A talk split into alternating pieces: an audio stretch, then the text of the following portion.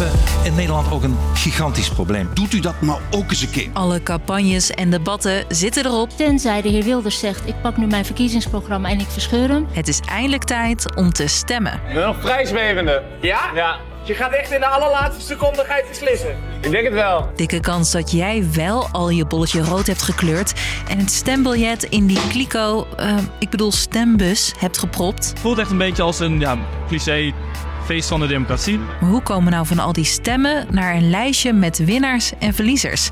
Dat zoek ik, Frederik, voor je uit. Lang verhaal kort. Een podcast van NOS op 3 en 3FM. Oké, het is 9 uur 's avonds. Het stembureau is dicht en de stembus wordt omgekeerd. De vrijwilligers kunnen aan de slag. We gaan dus alle eh, stembussen nu openen. Dus eh, alle biljetten gaan er nu uit en die gaan we dan één voor één openvouwen. Eerst checken ze of alle stemmen wel geldig zijn. Dus of één vakje goed is ingekleurd. Deze, oh die is, ro- die is blauw, niet rood. En dat is tegen de regels. De ongeldige stemmen gaan met de blanco stemmen op een aparte stapel. Daarna kan het tellen echt beginnen. Normaliter eh telden de eh, stembureaus alles op eh, per lijst. Dus op de VVD, op de CDA enzovoort. En vervolgens ook op de kandidaat per lijst. Je hoort iemand van de gemeente Barneveld. Dat tellen gebeurt allemaal met de hand en gaat soms tot in de late uurtjes door. Het was een erg lange dag en na een tijdje word je wel een beetje labiel.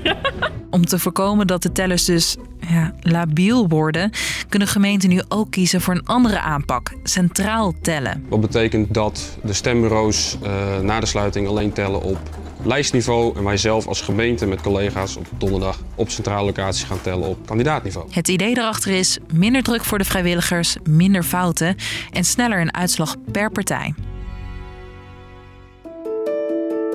Maar wacht even, om 9 uur gebeurt dus dit. Maar ook dit. Ting, het is ja, Malou hij heeft de exit poll. Binnen met 19 procent. Precies bij het sluiten van de stembureaus en het openen van al die stembussen horen op tv al wie de winnaars en verliezers lijken te zijn. De grote winnaar van de avond komt binnen met 15 zetels. Hoe kan dat? Nou, om 9 uur is er een exit poll van Ipsos. Dat is een onderzoeksbureau. Zij zetten eigenlijk naast al die stemhokjes in Nederland nog een sloot aan stemhokjes neer in ons land. Vertelt Sjoerd van Hek van Ipsos. En als kiezers daar gestemd hebben, dan vragen wij ze om eigenlijk bij ons nog een keer te stemmen. Dus weer een stemformulier openvouwen, potloodje, bolletje rood, weer vouwen en de stembus in. Op 62 stembureaus in ons land wordt er dubbel gestemd. En de onderzoekers proberen daar alle type kiezers te zien. Dus we kijken naar eh, geografische spreiding. Dus ligt zo'n stembureau in een, in een stad of wat- meer op het platteland.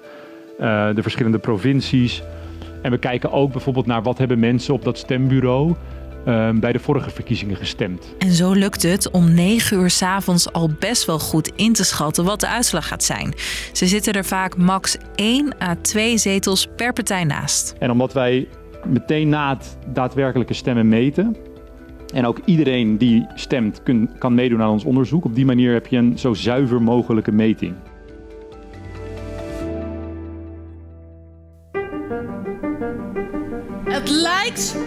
Een zetel bij hebben gevonden. Hadden graag winst gewild. What the fuck is hier gebeurd?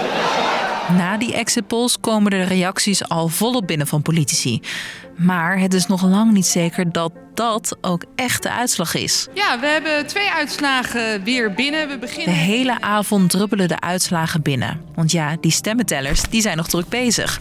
Als er een uitslag is, dan schrijft de voorzitter van het stembureau dat op een officieel formulier en brengt dat naar de gemeente. Nou, ik wil toch voor half twaalf wil ik wel op gemeentehuis in, Gro in Winschoten zijn. En dat geeft ze door aan persbureau ANP, waarna het hier verschijnt. We hebben Vlieland gehad, maar wij hebben nu, Malou, Roosendaal bij Arnhem. Dat gaat zo lang door totdat iedere gemeente de uitslag heeft doorgegeven. En dan maar eens kijken hoe er in Pekela is gestemd, Malou. Maar de definitieve uitslag, dat duurt nog wat langer.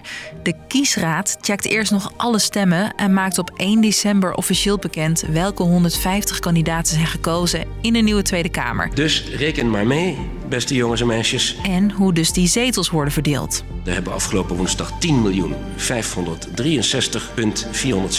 personen hun stem uitgebracht. Dus Lang verhaal, kort. Na het stemmen is het tellen geblazen. De exit poll zie je al meteen bij het sluiten van de stembussen. Dat is een apart onderzoek van Ipsos. De rest van de avond druppelen de uitslagen binnen. Toch duurt het daarna nog een weekje totdat de kiesraad de officiële uitslag bekend maakt. Vaste podcast weer vandaag. Morgen zijn we weer met een nieuwe bij je. Doei!